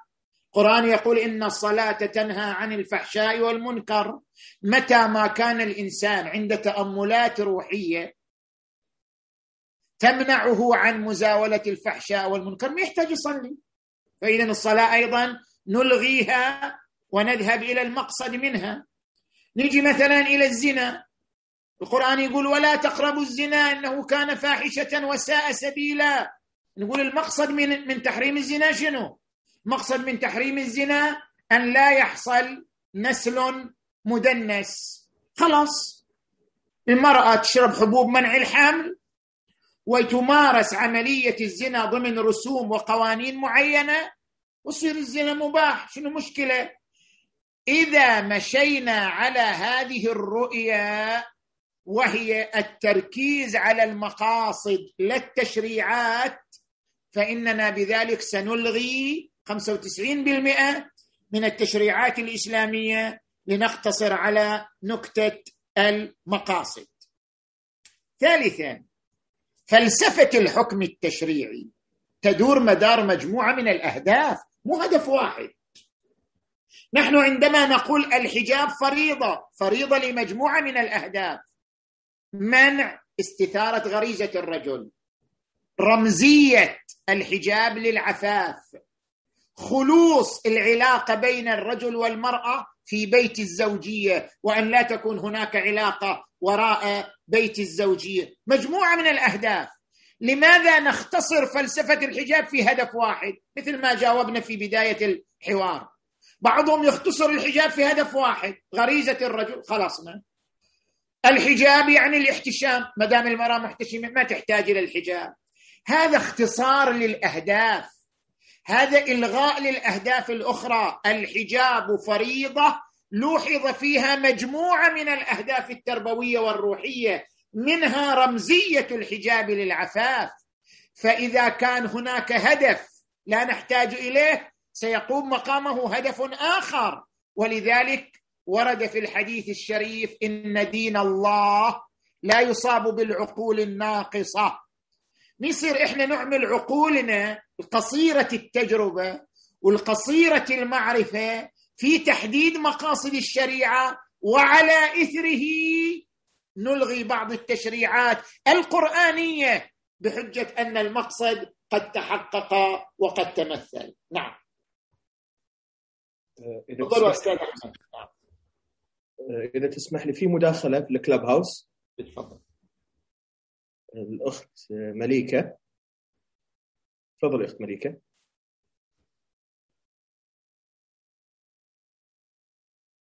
السلام عليكم. آه، شاكرتكم جدا تقديم هذه الحلقات. وللأمانة إحنا يعني كمغتربات آه، آه، نساء مسلمات محجبات مغتربات نشوف فيها فائدة وأجوبة. على اسئله دائما تطرح في متناول المجتمع اللي إحنا عايشين فيه. أحب بس يعني أعرف رأي سماحه السيد الجليل يعني في الغرب مو بس الرجل يدعو المرأة ل يعني التحرر من الحجاب أو المجتمع الغربي ولكن أيضا النساء المسلمات الغير محجبات. شنو رأي سماحتكم طرح أن مثلا مرأة مسلمة غير محجبة تقول أنا سالت مجموعة من الرجال وهم قالوا إن الشعر لا يثير فهذا استقراء وأنا مرتاحة لهذا الاستقراء وتترك الحجاب. شكرا. شكرا للأخت مليكة على هذا السؤال. وملخصه أن هي قامت يعني هي تنقل عن امرأة غير محجبة. قالت أنا قمت بتجربة استقراء كثير من الرجال. قلت لهم الشعر مثير لو مو مثير؟ قال الشعر مو مثير. طلعت الشعر. زين. هذه المرأة قصرت هدف الحجاب على ستر جمال الشعر. بما أن الشعر غير مثير إذا لا يجب ستره. لأنه دائر مدار الإثارة. الآن نحن أوضحنا أن الحجاب نظر فيه لمجموعة من الأهداف وليس هدف واحد. ليس الهدف من فرض الحجاب منع الإثارة. حتى يقال إذا لم يكن الشعر مثير اذا فلا يجب ستر الشعر. افترضوا أن جسم المرأة هم مو مثير. في الغرب هو إحنا شفنا عندما نذهب إلى آه، الشواطئ نجد النساء ينزلن في وسط البحر بلباس سباحة بعد. اذا هذا يعني أن جسم المرأة غير مثير لأن المرأة تنزل من خلال الشاطئ للسباحة ولا يثير جسمها شيء. اذا بالنتيجة يجوز كشف صدرها وجسمها لأنه ليس مثيرا. ليس الأمر مربوطا بالإثارة الفعلية. الأمر مربوط بأن تبرز المرأة هوية. هناك هوية. لاحظوا يا إخوان هناك المسألة مسألة هوية. يعني عندما مثلا نيجي الآن إلى المنارة منارة المسجد. منارة المسجد هذه هوية. رمز لحضارة إسلامية. حتى لو صار المسجد في الغرب لازم يصير في منارة لازم يصير في قبة. مو لازم أقصد لازم شرعا. يعني كرمز. القبة والمنارة رمز للإسلام. الرمزيه هذه قيمة حضارية. أنت الآن عندما تروح إسطنبول في تركيا هو أغلب الناس ما تصلي أغلب الناس ما تصوم بس بالنتيجة رؤية هذه المنارات والقباب في إسطنبول رمز للحضارة الإسلامية. هذه قيمة حضارية. كما أن المنارة في رمزيتها تعتبر قيمة حضارية. كما أن ثوب الإحرام اللي يلبس الرجل وهو رايح للحج أو تلبس المرأة وهي رايحة للحج رمز. كذلك الحجاب ستر الشعر رمز والرمزية قيمة حضارية. تبرز المرأة من خلالها عزتها بدينها وافتخارها بدينها سواء أثار أو ما أثار. هذا حفاظ على هويتها ورمزيتها لدينها. فالحجاب تكمن قيمته في رمزيته الحضارية والرمزية الحضارية محترمة عند جميع الشعوب المتطورة الشعوب المثقفة. نعم. نعم شكرا سماحة السيد. أه، سماحة السيد أه، عندي سؤال أه، يعني هو تبع لما أجبتم عليه في إشكال الشيخ عارف عبد الحسين. وذكرت بأن الحجاب فريضة سماحه السيد. يعني هناك إشكال يقول بأن ليس هناك عقوبات واضحة لتارك فريضة ارتداء الحجاب في أي نص قرآني. كيف في ظل وجود عقوبات في حاله ترك أي فريضة أخرى؟ دلالة على عدم وجود إلزام ديني بموضوع الحجاب سماحه السيد.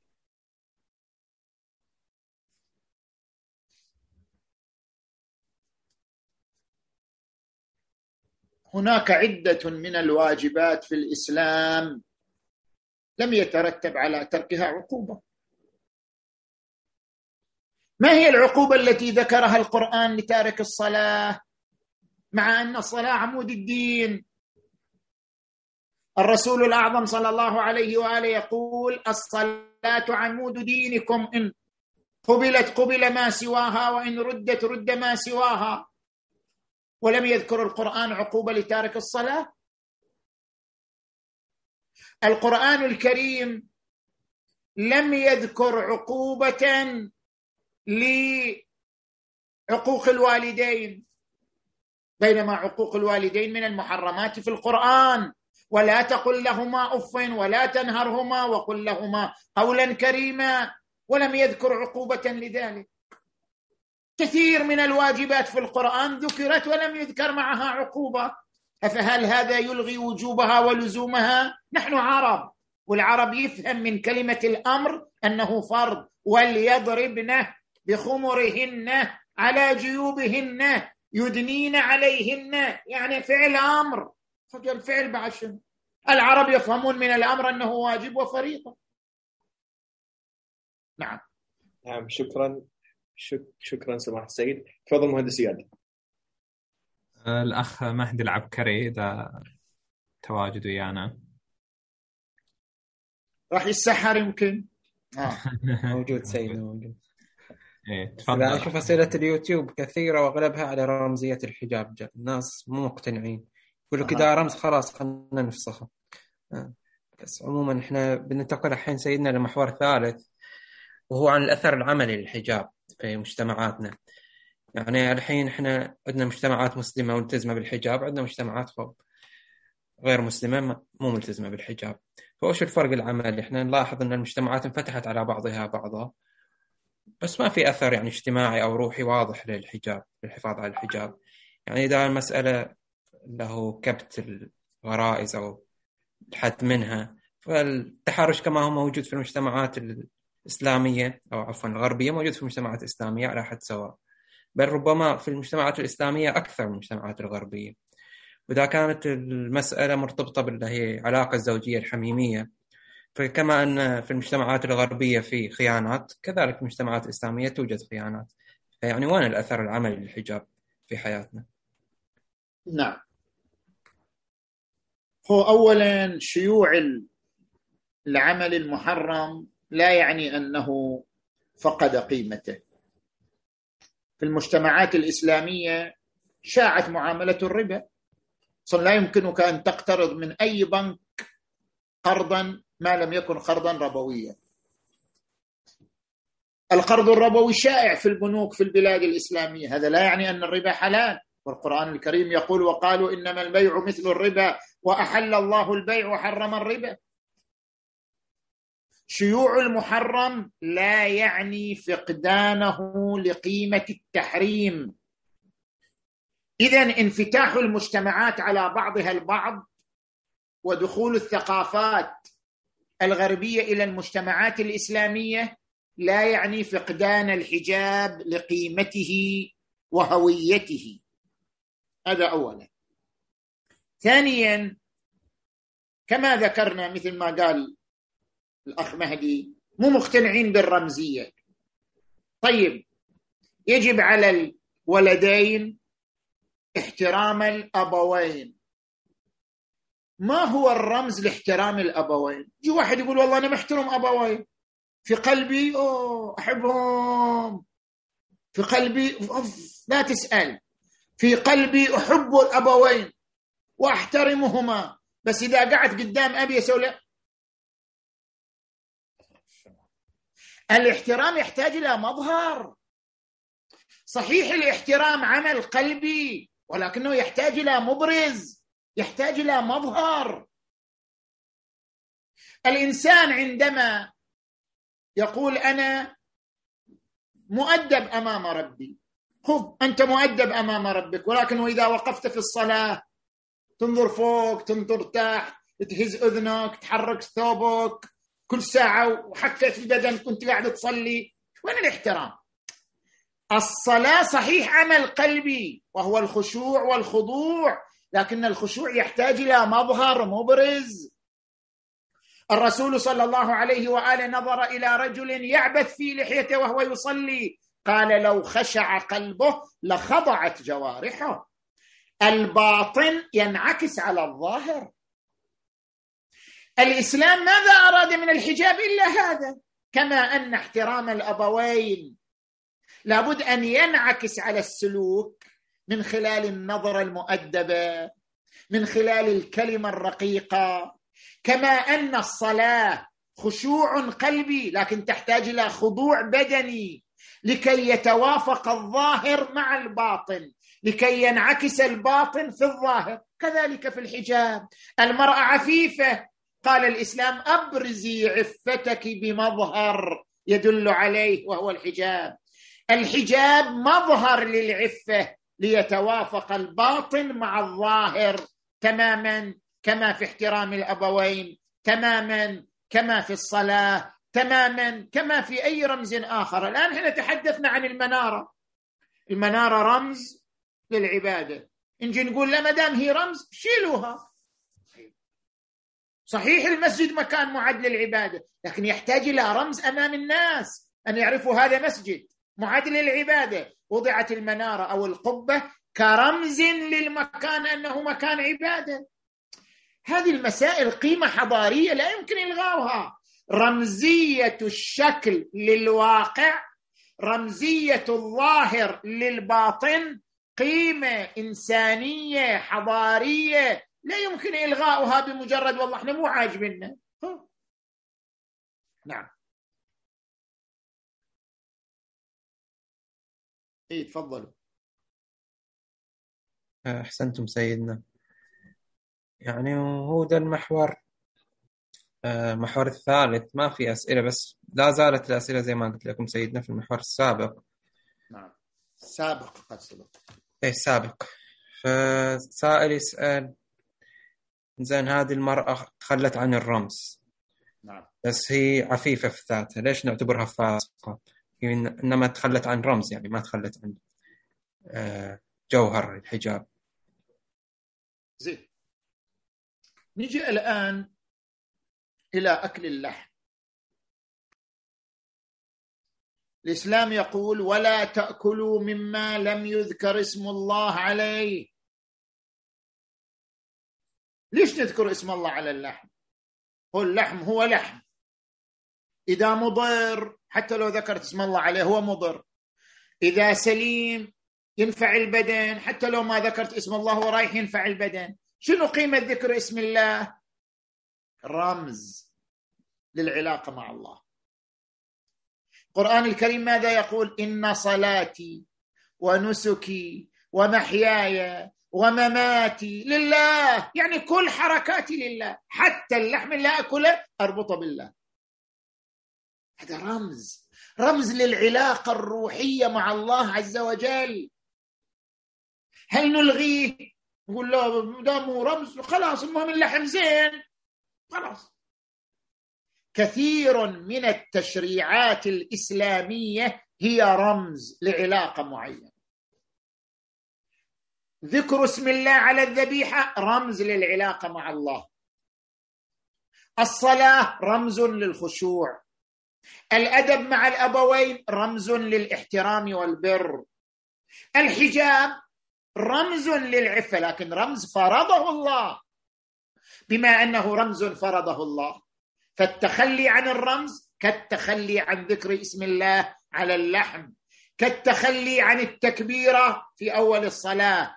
رموز للخشوع لكنه فرضها الله تبارك وتعالى. لذلك من تترك الحجاب نقول لم تلتزم بفريضة الله تبارك وتعالى. لم تلتزم بفريضة الله تبارك وتعالى. أما الحكم عليها بالفسق فنحن ما ندخل في هذه الأمور الأمور مو بيدنا ما ندري عن حكم المرأة هي مضطرة غير مضطرة هي تعيش مشكلة نفسية هي تعيش مرض اقتضى منها ترك الحجاب. إحنا ما ندري إنما نقول لم تلتزم بفريضة من فرائض الله. نعم.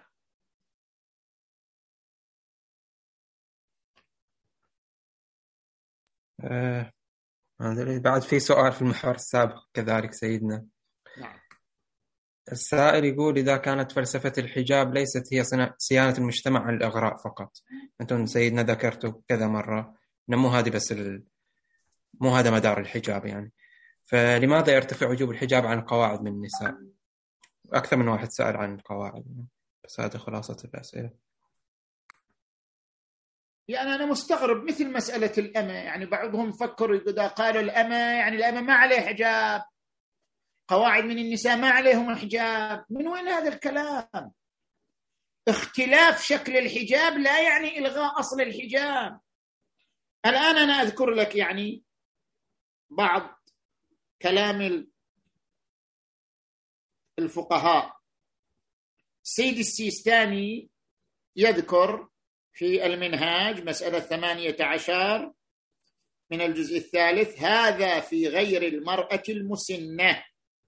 التي لا ترجو النكاح وأما هي يعني المرأة المسنة فيجوز لها إبداء شعرها وذراعها ولكن من دون أن تتبرج بزينة. ما ألغى أصل الحجاب؟ نوع من الحجاب. انتهى. لكن بقي أصل الحجاب. حتى الأمة الأمة عليها حجاب معين يختلف فقط عن حجاب الحرة في عصر الرسالة ببعض الألوان المعينة. اذا بالنتيجة. المدار على الحجاب فريضة. فرضها الله رمزا لتوافق الباطن مع الظاهر. هذه امرأة ظاهرها كباطنها باطنها عفيف ظاهرها أيضا عفيف للحجاب. فرض الحجاب لكي يعبر عن التوافق بين الباطن والظاهر. كرمز للعفة كرمزية المنارة للمسجد كرمزية النظره الرحيمه للأدب مع الأبوين. كلها رموز. لأجل ذلك هذا الرمز لا فرق فيه بين أن يكون المجتمع انفتح على المجتمعات الأخرى أو المجتمع لم ينفتح على المجتمعات الأخرى. تظل هذه الرمزية وقيمتها الحضارية عامة وكذلك أيضا بالنسبة إلى المرأة المسنة وغير المسنة الجميع لها حجاب يعبر عن رمزيتها لعفافها وإن اختلفت بعض التفاصيل. نعم. أستاذ أحمد كأن عندك كلوب هاوس.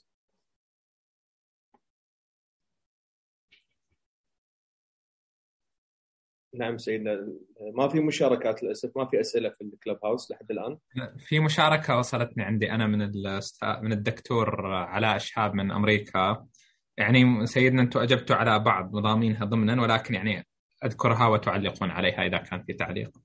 فهو يقول انتشر في كثير من مدارس أمريكا قوانين تسمح للمتحولين جنسيا من ذكور إلى إناث وغير محددي الجنس مثلا تلميذ ولد بأعضاء تناسلية ذكرية ولكن تم تشخيصه طبيا كأنثى باستخدام مراحيض وغرف التبديل للفتيات فهل يجب الحجاب في هذه الحالة فهل يجب الحجاب في هذه الحالة على المسلمات في تلك الغرف؟ القوانين بدأ تنفيذها في عدة ولايات منها ميشيغان اللي هي ولاية دكتور. آه، إذا كان يجب الحجاب فلماذا إذا لا ت... فلماذا إذ لا توجد شهوة من قبل من قبل هؤلاء الذكور شكليا آه، إناثا آه، فسيولوجيا؟ عفوا. رجعوا السؤال مرة أخرى عفوا. حتى اي فهو يقول انتشر في كثير من مدارس أمريكا قوانين تسمح للمتحولين جنسيا من ذكور إلى إناث وغير محددي الجنس. مثلا تلميذ ولد بأعضاء تناسلية ذكرية ولكن تم تشخيصه طبيا كأنثى باستخدام مراحيض وغرف التبديل للفتيات العامة يعني. فهل يجب الحجاب في هذه الحالة على المسلمات في تلك الغرف غرف التبديل العامة؟ آه، القوانين بدأ تنفيذها في عدة ولايات منها ميشيغان. إذا كان يجب الحجاب فلماذا؟ إذ لا توجد شهوة بين آه، أو من قبل هؤلاء الذكور شكليا الإناث فسيولوجيا. وسؤال ثاني في نفس السياق آه، تحدثتم عنه يعني لماذا يجب الحجاب على المرأة العجوز إذا كان الغرض الأساسي من الحجاب هو العفة وعدم إظهار زينة المرأة للرجل؟ هل هناك عمر أو هيئة معينة للمرأة يجمع عليها العلماء بعدم وجوب الحجاب؟ تفضل سماحة بالنسبة إلى النقطة الأولى إذا كان أنثى عرفا نعم. إذا كان بحسب العرف الطبي والعرف الاجتماعي هذا أنثى وإن كان يلبس لباس الذكر. نعم حينئذ يجوز للمرأة يعني لا يجب على المرأة أن تتستر أمامه تتحجب أمامه إذا كان بحسب العرف يقال هذا أنثى. زين؟ وأما إذا لا هو ذكر ولكن عنده بعض الميول الأنثوية أو عنده بعض النزعات الأنثوية ولكنه بحسب العرف الاجتماعي عرف الطب هذا ذكر. فحينئذ يشمله ما يدل على آه، لزوم الحجاب. لأن الحجاب كما ذكرنا لا يدور مدار إثارة الغريزة للطرف المقابل. حتى يقال إذا فقد الإثارة فلا يجب التحجب أمامه. الحجاب يدور مدار عدة أهداف ومن تلك الأهداف رمزيته لتوافق الباطن مع الظاهر. أما بالنسبة للمرأة المسنة مسنة لا ترجو النكاح والقواعد من النساء يعني خلاص بعد خلاص قضت. يعني مثلا وصلت سبعين سنة ثمانين سنة. متى ما كانت المرأة محتفظة بنضارتها بحيث تجلب الرجل للزواج منها بل هذه يجب عليها الستر. أما إذا فقدت جلب الرجل للزواج منها بعد ما حد يعني ما حد له خلق ويتزوجها خلاص بعد حينئذ يجوز لها بهذا المقدار وهو إبراز شيء من الشعر والبدن. نعم.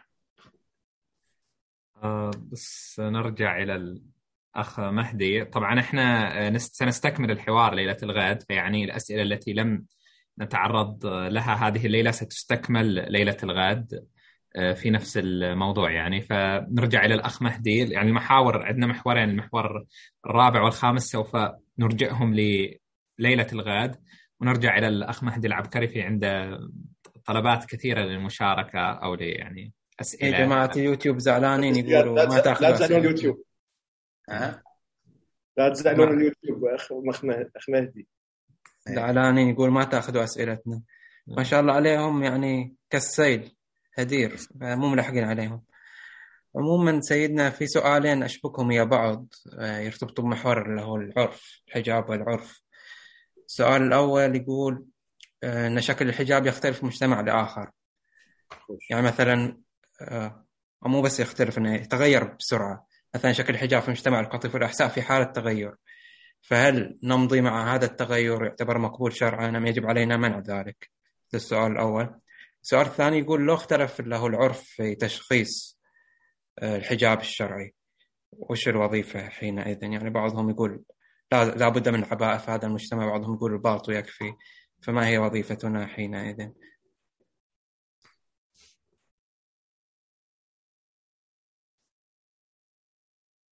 أنا لا أدخل في التشخيصات وفي اختلاف أنظار العرف وفي كذا ولكن أقول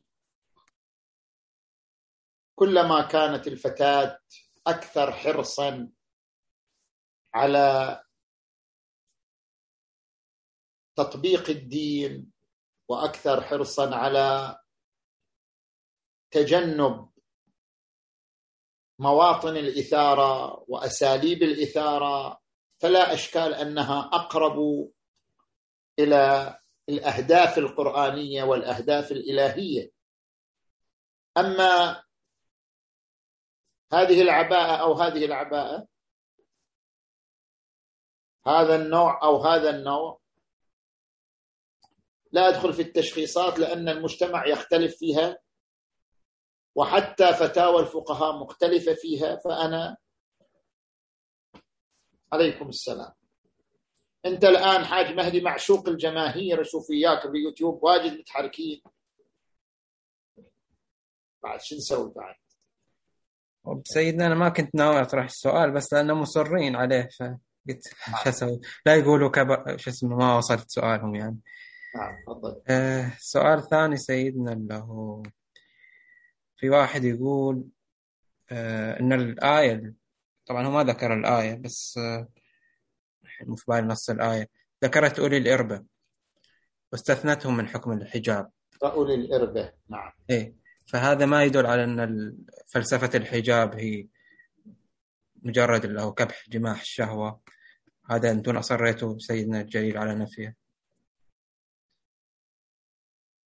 ذكرنا في مسألة اللي هو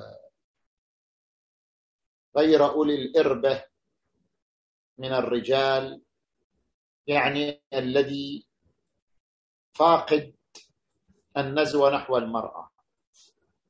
يعني فاقد الرغبة للمرأة.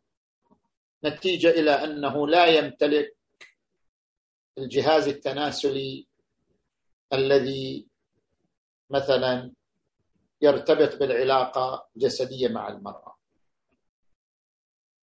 أيضا كما ذكرنا في مسألة المرأة المسنة كما ذكرنا في مسألة الأمة لم يرفع أصل الحجاب عن المرأة وإنما رفعت بعض خصائص الحجاب لم تفرض عليها إذا كان الناظر لها من غير أولي الإربة. لم يرفع أصل الحجاب وإنما رفعت بعض التفاصيل.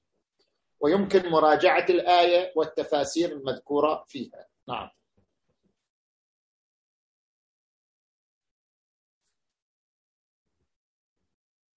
إذا في أسئلة في الزوم فأتمنى من الأخوة يعني يرفعوا خاصية الكف. تفضل مهدي. يعني في سؤال سيدنا تكرر بس دون آه، أجبتوا عنه في الحوار السابق. كثير الظاهر آباء أو أمهات لعلهم يسألوا كيف نحبب فتياتنا إلى الحجاب؟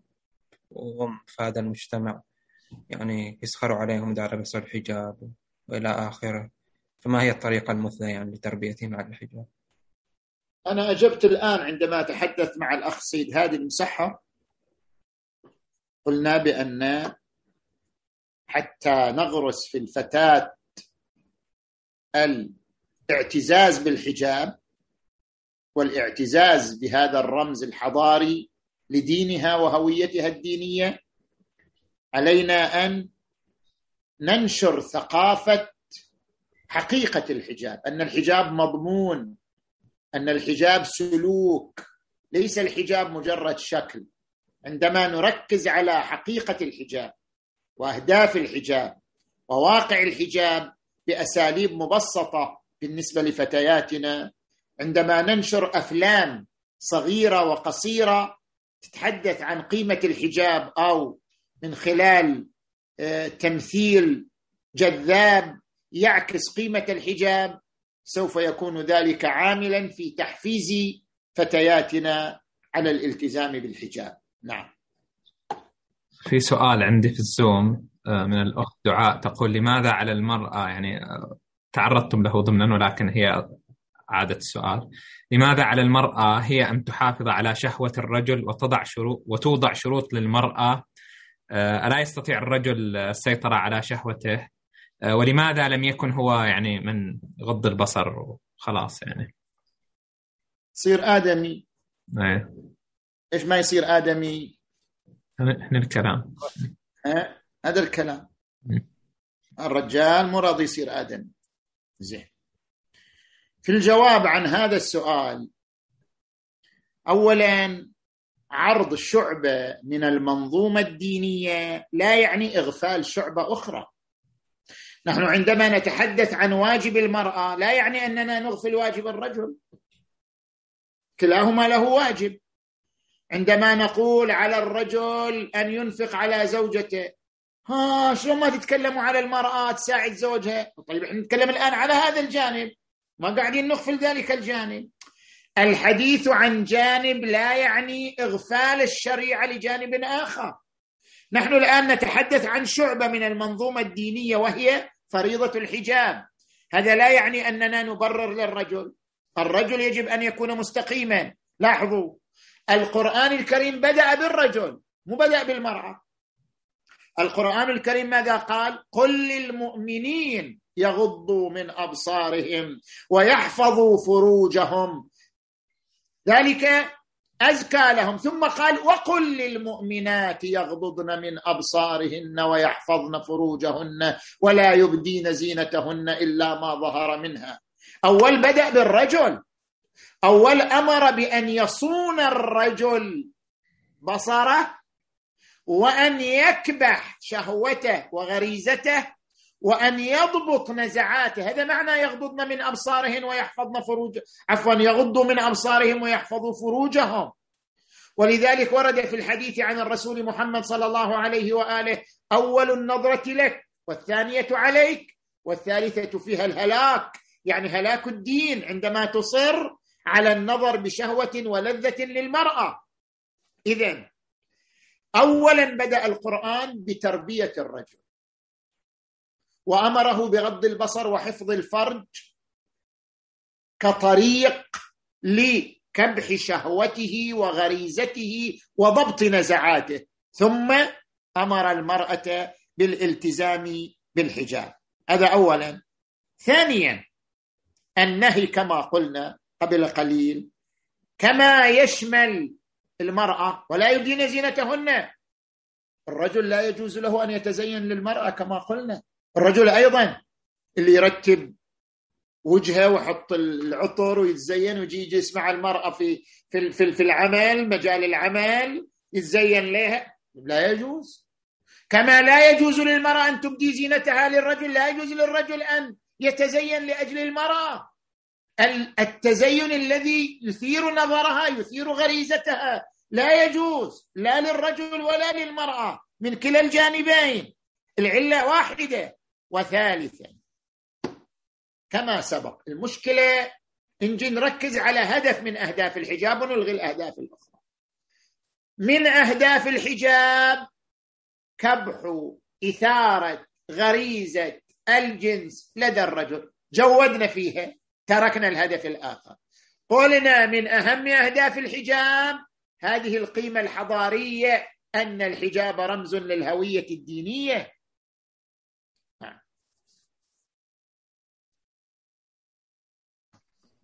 آه، إياد عندي بس مداخلة بسيطة.